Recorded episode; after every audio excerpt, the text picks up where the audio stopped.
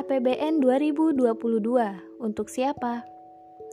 Dalam rapat paripurna DPR RI 2021-2022 dengan tema RAPBN 2022 Pemulihan Ekonomi dan Reformasi Struktural Pemerintah mencanangkan postur belanja negara sebesar 2.708,7 triliun rupiah untuk RAPBN 2022 diperkirakan akan ada defisit anggaran sebesar 868 triliun rupiah PDB.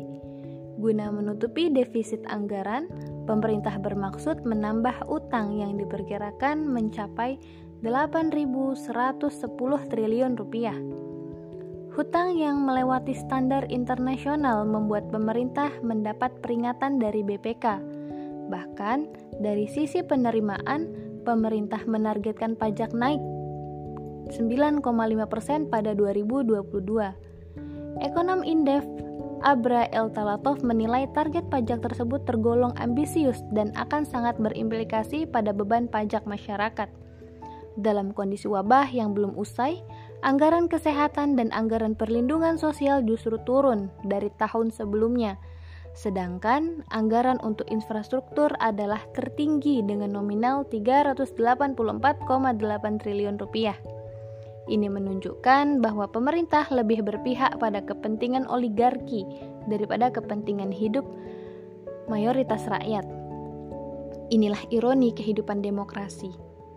Berbeda dengan sistem pemerintahan dalam Islam, khilafah adalah sistem pemerintahan yang berlandaskan syariat dan menerapkan aturan Allah secara totalitas.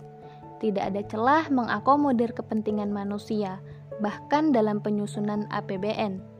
Dalam hal APBN yang diterapkan harus memenuhi prinsip keadilan dan mensejahterakan rakyat. Syariat telah menunjukkan sumber pendapatan negara. Pertama, harta kepemilikan negara yang meliputi ghanimah, hasil sewa tanah milik negara, jizyah, fai, pajak yang ditarik insidental dari warga muslim yang kaya jika pos yang lain benar-benar kosong. Kedua, hasil pengelolaan harta kepemilikan umum seperti barang tambang, hutan, dan lainnya. Ketiga, sumber pendapatan lain seperti zakat. Pengeluaran kas negara ditetapkan berdasarkan kaidah-kaidah, di mana harta yang menjadi khas tersendiri Baitul Mal, yakni harta zakat, hanya akan dibelanjakan untuk delapan asnaf. Pembelanjaannya yang bersifat wajib, yakni jika terjadi kekurangan atau untuk melaksanakan jihad.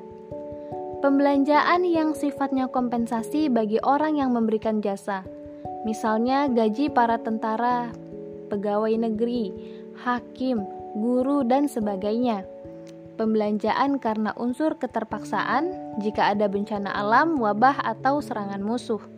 Pembelanjaan untuk suatu kemaslahatan yang sifatnya vital, seperti pembangunan infrastruktur. Demikianlah APBN Khilafah disusun dengan berlandaskan aturan Allah, bahwa khalifah adalah pengurus urusan rakyat dan pelindung rakyat.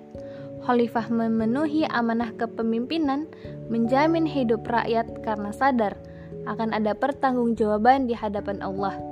Hanya khilafah Islamiyah yang akan mewujudkan kesejahteraan per individu rakyat di dunia dan menghantarkan turunnya keberkahan dari Allah. Insya Allah.